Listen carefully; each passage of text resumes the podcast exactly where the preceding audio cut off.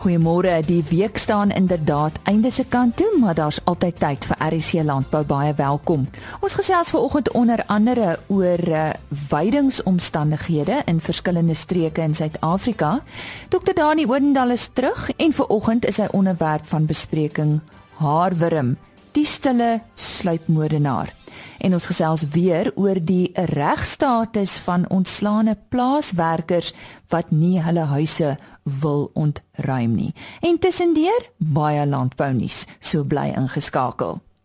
Ons begin vanoggend se program met 'n paar brokkies landbou nuus. Die rooi vleisbedryfsforum sê hy verwelkom die voorgestelde wildsvleisregulasies wat in November in die staatskoerant gepubliseer is. Die forum was een van die partye wat namens die rooi vleisbedryf dringende vertoë gelewer het vir die publisering van wildsvleisregulasies omdat veiligheidsstandaarde op alle vleissoorte van toepassing moet wees. Volgens die forum is die gebrek aan plaaslike regulasies vir die insameling en slag van wildsvleis en die gebrek aan nasionale standaarde gelykstaande aan internasionale handelsvereistes beperkend vir die mededingendheid van wildsvleis in die internasionale mark. Die forum meen die gepubliseerde konsepregulasies verskaf voldoende waarborge vir die produksie van veilige wildsvleis sover dit strukturele, operasionele en voedselveiligheidsvereistes betref. Die rooi vleisbedryf is daarvan oortuig dat die implementering van die konsepregulasies in samewerking met onafhanklike vleisinspeksiedienste tot 'n gunstige reaksie van Europese Unievennote sal lei. Verskeie belangegroepe in die wild- en jagbedryf het egter vroeër die konsepregulasies verwerp. 'n Alternatiewe voorstel tot die konsepregulasies wat deur verskeie leierorganisasies en rolspelers in die wildsvleisbedryf ondersteun word, is onder leiding van Dr Marita van der Merwe, wildsvleisnavorser en konsultant vir die wildbedryf by die departement ingedien. En nou nuus uit die Oos-Vrystaat. Die Oos-Vrystaat Veldbul Klub vier vanjaar sy 30ste bestaanjaar. Veeplaas berig in sy jongste uitgawe, die klub het die afgelope 30 jaar bykans 5000 bulle van meer as 15 rasse volgens bepaalde eienskappe tydens veldtoetse geëvalueer. 'n Bepaalde waarde word aan elk van hierdie eienskappe toegeken en in 'n ekonomiese indeks uitgedruk. Veldbul data word saam met SA stamboek en breed plan se data in 'n veilingskatalogus geplaas. Die hoogste prys vir 'n veldbul by die klub is in 2014 behaal en in 2016 geëwenaar toe 'n beefmaster bul en daarna 'n bonsmara bul vir R90000 verkoop is. Die Oos-Vrystaat Veldbul Klub het ook die leiding geneem met die stigting van Veldbul Ram Suid-Afrika. Die organisasie het 'n doel om alle veldklubs saam te snoer en dieselfde riglyne neer te lê vir die toets van veldbulle en veldramme. En nou vir ons eerste gesprek wat uh, Henny Maas gehad het met Frik Verster en Niels Skeepers oor onder andere veidingstoestande. Frik Verster is die bestuurende direkteur van BKB van Wyk en ons uh, gesels 'n bietjie met hom oor uh, 2016 en die vooruitsigte vir 2017 wat uh, wat veiding en veilinge betref. Nou 2016 was eintlik maar 'n uh, baie slegte jaar vir vir alle boere, nê, nee, Frik. Goeiemôre ja, uh 2016 was regtig 'n baie moeilike jaar. Mense moet eintlik 'n bietjie begin uh vroeër as 2016 is eintlik die laaste 3 jaar wat dit ons in ons omgewing hier in die Noordveld regtig eintlik met mense dit opsom weer te sê dat dit 'n bietjie deurmekaar was. Jy weet ons kon nie lekker beplan nie. Boere kon nie lekker beplan nie en uh, die voerkrale kon nie lekker beplan nie.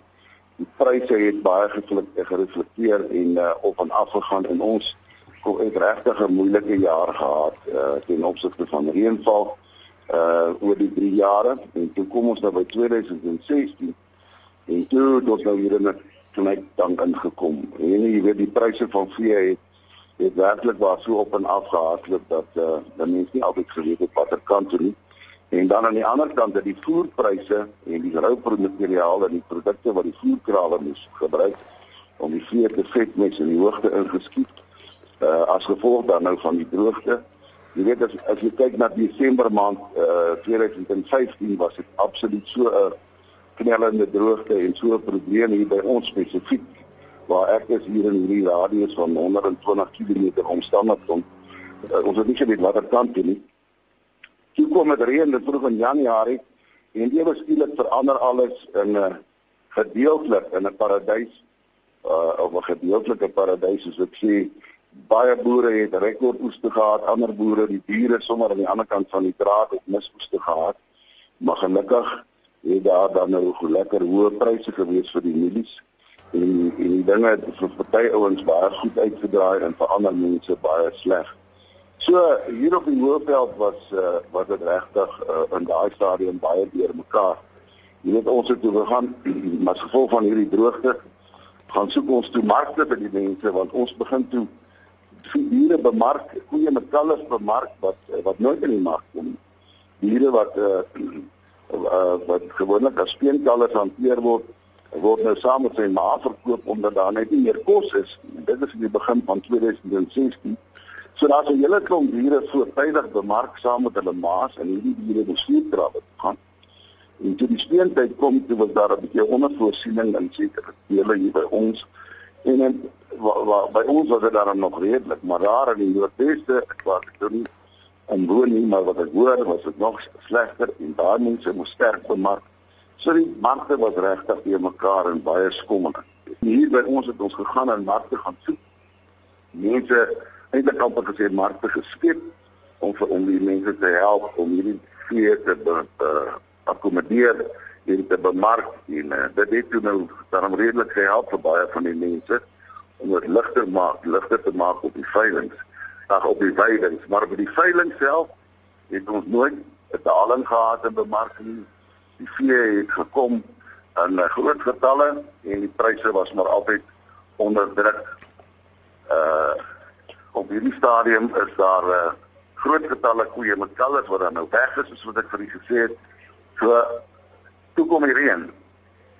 En toe het hier by ons reën dat dit op die oomblik 'n paradys is. Mens kan nie glo nie. Ou mense het gesê dit reën nie gras.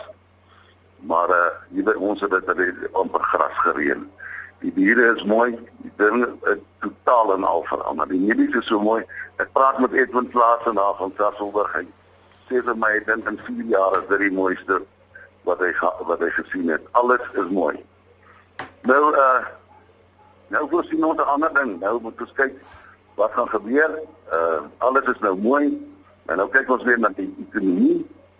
Aan die ander kant, uh ons kyk weer nou na pryse. Wat gaan gebeur nou met hierdie hoë uh, uh opbrengste van mielies wat ons verwag in hierdie pragtige uh lande?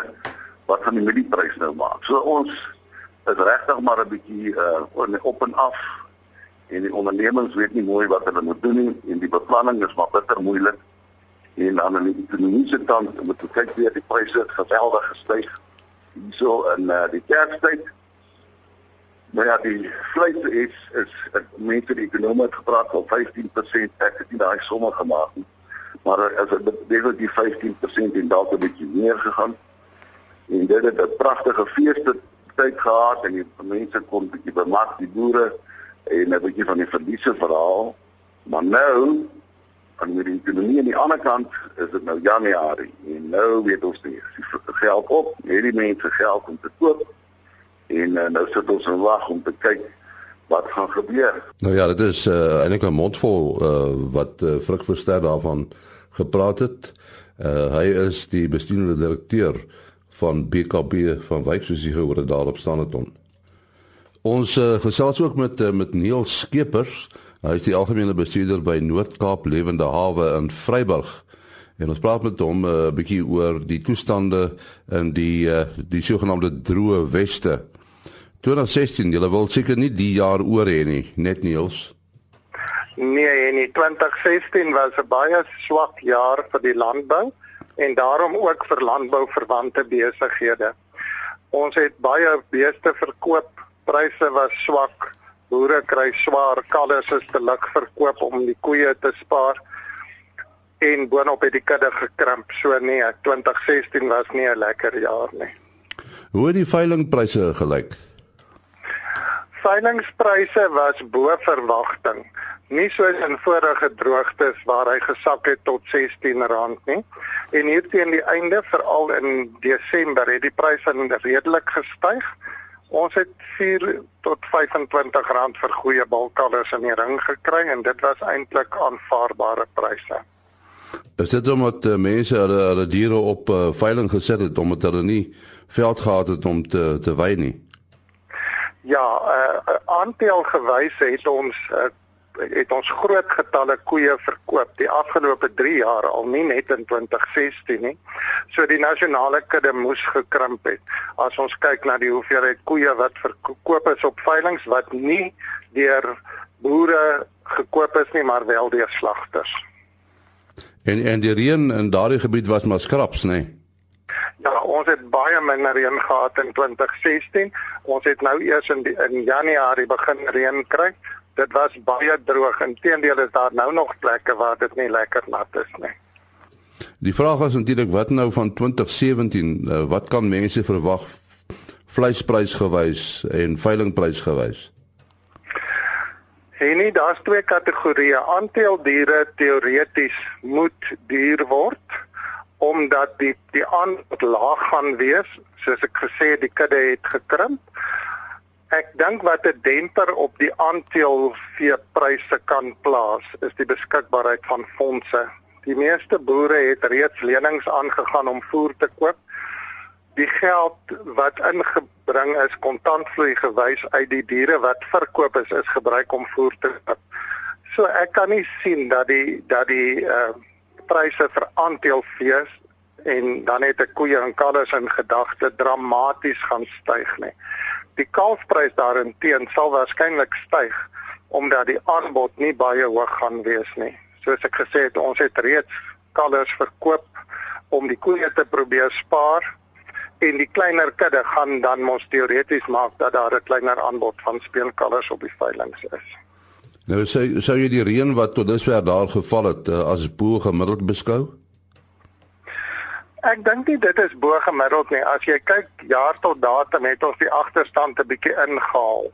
Ons het jare gelede binne 3 dae 150 mm gehad. So ja, dit is dis abnormaal in ons geheue, maar dit uh, dit is maar net 'n bydra tot die 400 mm reën wat ons vir gewoonlik in normale jare kry. Nou ons het gesê dat die nasionale kudde gekrimp het. Uh, Dink jy hy gaan weer die vlak bereik wat wat uh, hy was voor die droogte? Ja, dit gaan baie neem om dit reg te kry want boere sal nou moet verskalers terughou En ons weet 'n vers kalf is 'n langtermynbelegging voordat sy eers weer begin produseer en daar weer 'n kalfie op die grond is. Maar ek dink dit is die manier wat wat beesboere gaan gebruik om hulle kuddes weer ten minste terug te vat na 'n meer aanvaarbare vlak. Nou ons sê baie dankie aan Neil Skeepers, die algemene bestuurder van Noord-Kaap Lewende Hawe op Vryburg. Dankie Annie. Die positiewe uitwerking van 'n enstof kan ongedaan gemaak word as 'n mens nie die enstof op die regte manier gebruik of berg nie. So sê Dr Grant van Lelieveld, tegniese en bemarkingsbestuurder herkouers by Hypra Suidelike Afrika. Van Lelieveld het in 'n artikel in die Januarie uitgawe van Veeplaas gesê dit is noodsaaklik om 'n geskikte stabiele koue ketting te handhaaf en om die enstof reg te meng en toe te dien. Dit moet op die regte tyd ingeënt word en nie eers wanneer hulle onder gespanne toestande verkeer nie. Die regte inentingsprotokol moet ook na gelang van die spesifieke probleem gevolg word. Produsente moet daarop let dat sekere inentings voor teeling en ander voor kalftyd gedoen moet word. En nou gesels ons plaaswerkers sake. Soms ontstaan omstandighede rakende verblyf op plase egter waar die regsposisie nie deur die blote deurlees van die betrokke wet opgelos kan word nie. Ek het met Hans Juri Moelman gesels, hy's direkteur van Moelman en Pinaar Prokureurs oor die regstatus van ontslaane werkers wat nie hulle werkers huise ontruim nie. Nou die wet op die uitbreiding van sekerheid en verblyfreg, oftewel die ESTA wet, reguleer hoofsaaklik die regsposisie en verhouding tussen grondeienaars en plaasbewoners. Daar was egter 'n interessante hofuitspraak rakende die regstatus van ontslaane werkers wat nie hulle voormalige werkershuise ontruim nie, maar wel op 'n ander plek werk. Ek het vir Ansjuri Moman gevra om dit te verduidelik. Dankie. Ja, dit dit kortliks ehm um, so jy reeds gesê die ESTA of die wet op uitbreiding van seker van verblyfreg reguleer ehm um, normaalweg uitsettings van persone wat wat op op plase meestal uit hoofde van dienskontrakte ehm um, kom woon. En uh, wat nou ook ongelukkig van tyd tot tyd gebeur is en ek bedoel die meeste plaaswerkers kom ek sê net eers dit meeste plaaswerkers kom bly op plase uit hoofde van 'n diensooreenkoms en daarom word daar ook akkommodasie vir hulle beskikbaar gemaak. Maar hierdie spesifieke scenario wat ons handel oor hierdie hofsaak gaan oor 'n situasie waar 'n werker sou ontslaan word en elders 'n woning gaan betrek maar van tyd tot tyd terugkeer en en, en nou seker steeds van hulle hulle persoonlike besittings agterlaat op 'n plaas. En wat die hof eintlik in hierdie saak gaan doen het is is om om die definisie van 'n uh, okkupeerder. Nou okkupeerder is in terme van ekstra persoon wat beskerming geniet in terme van die wet. Het hulle daai definisie gaan ontleed en ehm um, by die punt uitgekom om die woord in een van die komponente van van 'n definisie of 'n persoon om te te kwalifiseer is om te woon op iemand anders se grond. Die Engelse woord is reside. En wat die hof daar gaan doen is om te sê dat reside het 'n regsdefinisie. En tegnies beteken dit eenvoudig dat dit is 'n plek waar jy permanent woonagtig is. Dis nie 'n plek waar jy van tyd tot tyd kom nie. Ehm um, 'n plek waar jy reside of woon is die plek waar jy oggend opstaan as jy werk toe gaan en in die in die in die aand sou terugkom. Uh, dan met 'n mate van permanensie wees. En wat die hof eintlik gaan doen het is om waar jy normaalweg as iemand op die grond woon ehm um, en dalk nie meer by jou werk nie nog steeds aanbly dat die hof gaan sê maar wanneer die, die persoon nie meer op die grond woon binne daai raamwerk van die definisie nie dan kwalifiseer hy nie meer vir die beskerming van die van die ESTA wet nie. Ehm um, in 'n latere uitspraak ook in die appelhof is hierdie hele hierdie selfe standpunt gehuldig en en en die appelhof ook so ver gegaan om te sê ehm um, hierdie wet beskerm nie mense wat wat 'n huis as 'n naweekhuisie op iemand anders se grond beskou nie. Met ander woorde, iemand wat in die week werk op 'n ander plek en bly op 'n ander plek en dan naweke terugkeer.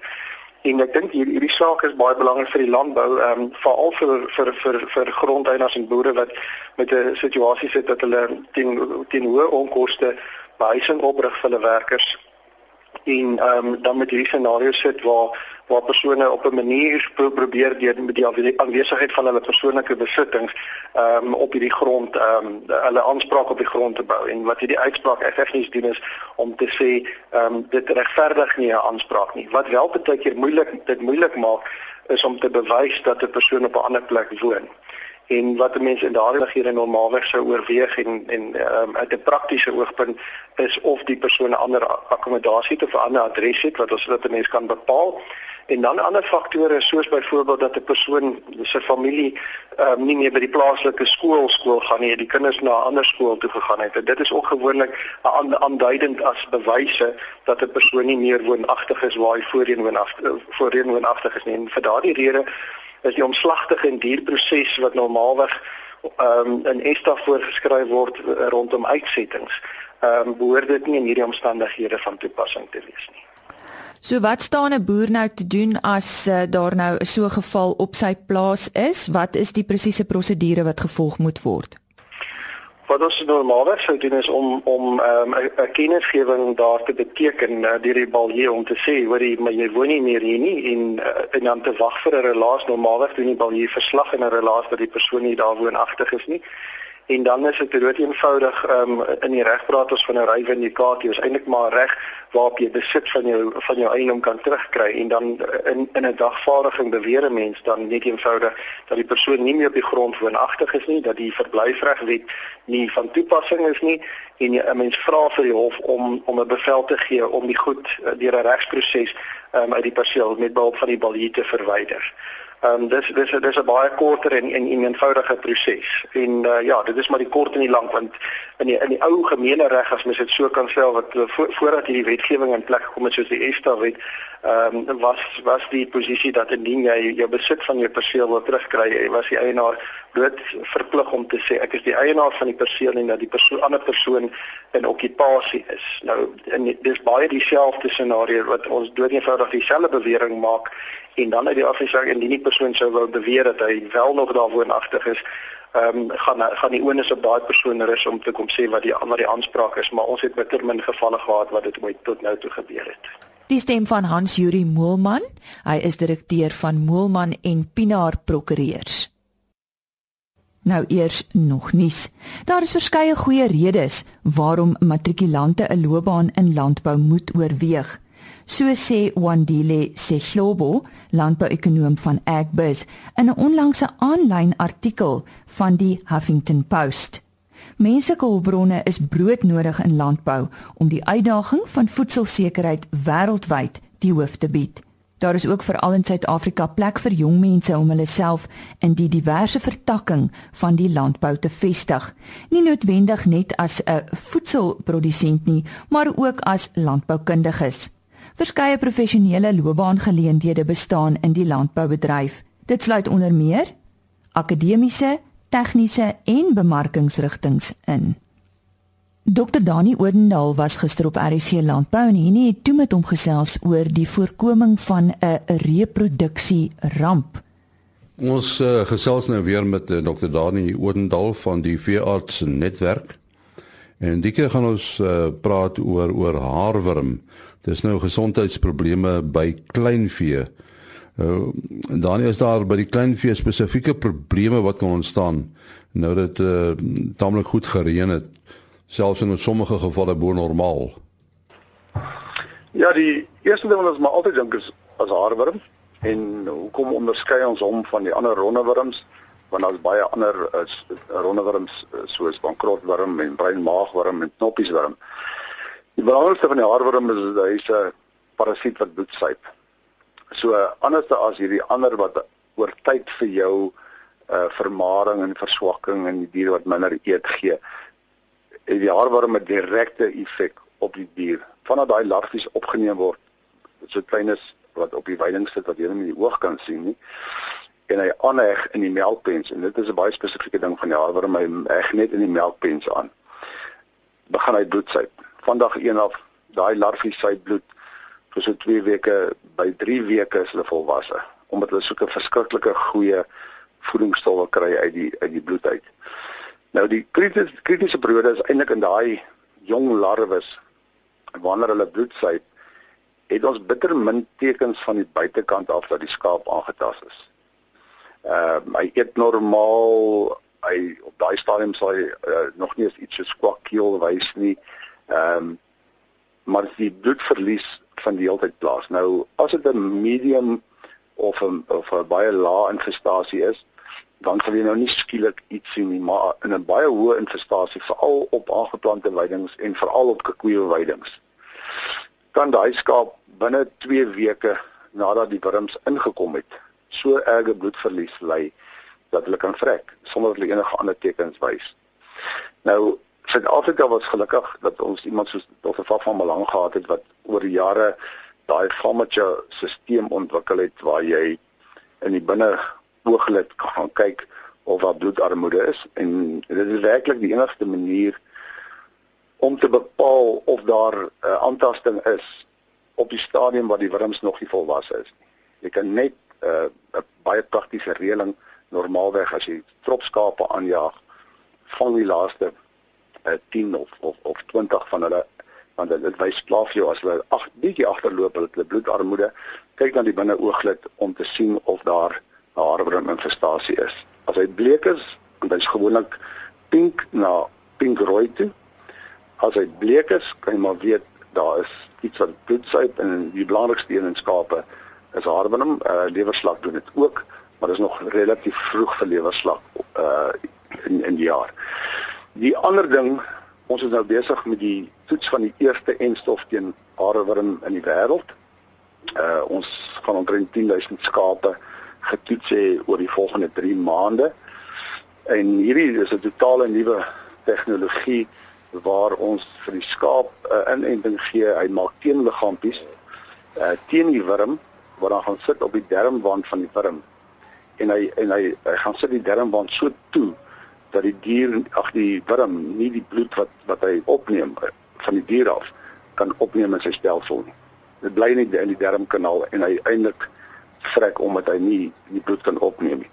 So dit is een van die volgende goed wat ons nou toets. Uh maar in dieselfde tyd in daai proewe het ons nou weer gaan kyk na die belang van eiertellings, miseiertellings waar ons miskolekteer van die skape en gaan kyk na die eiertellings om te sien hoe vorder ons met hierdie hierdie proewe.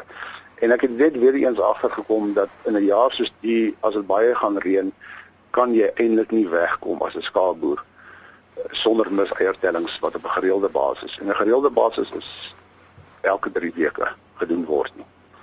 Uh so sê ons kan aan die binneooglik kyk in die fase waar die wurms uh, nog nie eiers produseer nie in daai eerste 2, 3 weke na hulle skape geïnvesteer het, maar daarna moet jy mis monsters geneem word 10% van die groep ingestuur word na 'n laboratorium waar die veearts vir jou interpreteer en besluit oor die behandeling. Want dit is dis weer eens is interne persoon amper onmoontlik om van buitekant af te sien. Die dag wat jy 'n kwakkeel sien en die eerste skape begin vrek, is dit gewoonlik amper te laat vir die behandeling. Uh, jy jy sê nou uh jy weet daar's 'n eindstof aan die ontwikkel. Uh, uh weerstandigheid, is dit 'n probleem met haarwormbestryding? Ja, kyk, haar uh, weerstandigheid is die grootste probleem met haarworm. En die rede daarvoor is omdat hy hierdie ongelooflike kort lewensiklus het. So binne 'n dier binne 21 dae as hy volwasse en dan begin hy eiers lê. Hulle broei uit oor die volgende 2-3 weke. Skape tel dit weer op. Nou tradisioneel het ons baie boere elke maand gedoseer. En elke keer as jy doseer, vat jy die vatbare wurms weg en jy los die weerstandbiedende wurms oor. So die model is baie eenvoudig van opbou van weerstand. Hoe meer hoe die frekwensie van dosering is en veral nou nog dat ons sekere produkte het wat sommer vir vir 30 tot 60 dae doodmaak. Hulle maak alles wat vatbaar is dood, maar die weerstandbiedende stamme bly oor. So jy selekteer eintlik vir weerstand. En en dit is kom by einde van die dag die enstof hopelik vir ons 'n baie beter oplossing gaan bied. Uh ons toets hom onder baie moeilike omstandighede in Suid-Afrika op die oomblik omdat ons eintlik hom wou getoets het met laer infestasies initieel, maar ons moes nou maar sommer net die kant inspring met baie hoë infestasies uh en en die eiertellings doen en dan uh behandeling doen saam die insel indien nodig. Maar maar ons gaan baie selfs oor die resultate seker binne die volgende 3 maande as ons klaar is met die uh veldproewe wat eintlik kommersiële veldproewe is. Ons sê dankie aan Dr. Dani Oudendal van die Veearts Netwerk. Net jou telefoonnommer Dani. Ja, so ek sê weer eens, uh, ek verkies dat boere hulle eie veearts bel. My nommer is 082 45 40532. En daarmee groet ek vir hierdie week. Onthou, eh, Chris Viljoen is weer op sy pos môreoggend om kwart voor 5 en ons is natuurlik ook verheug so aan die einde van hierdie week oor die wonderlike reën wat geval het. En mag u naweek net so wonderlik wees. Totsiens. RSG Landbou is 'n produksie van Blast Publishing. Produksieregisseur Henny Maas. Aanbieding Lisa Roberts. En uitskoördineerder Martie Kerstyn.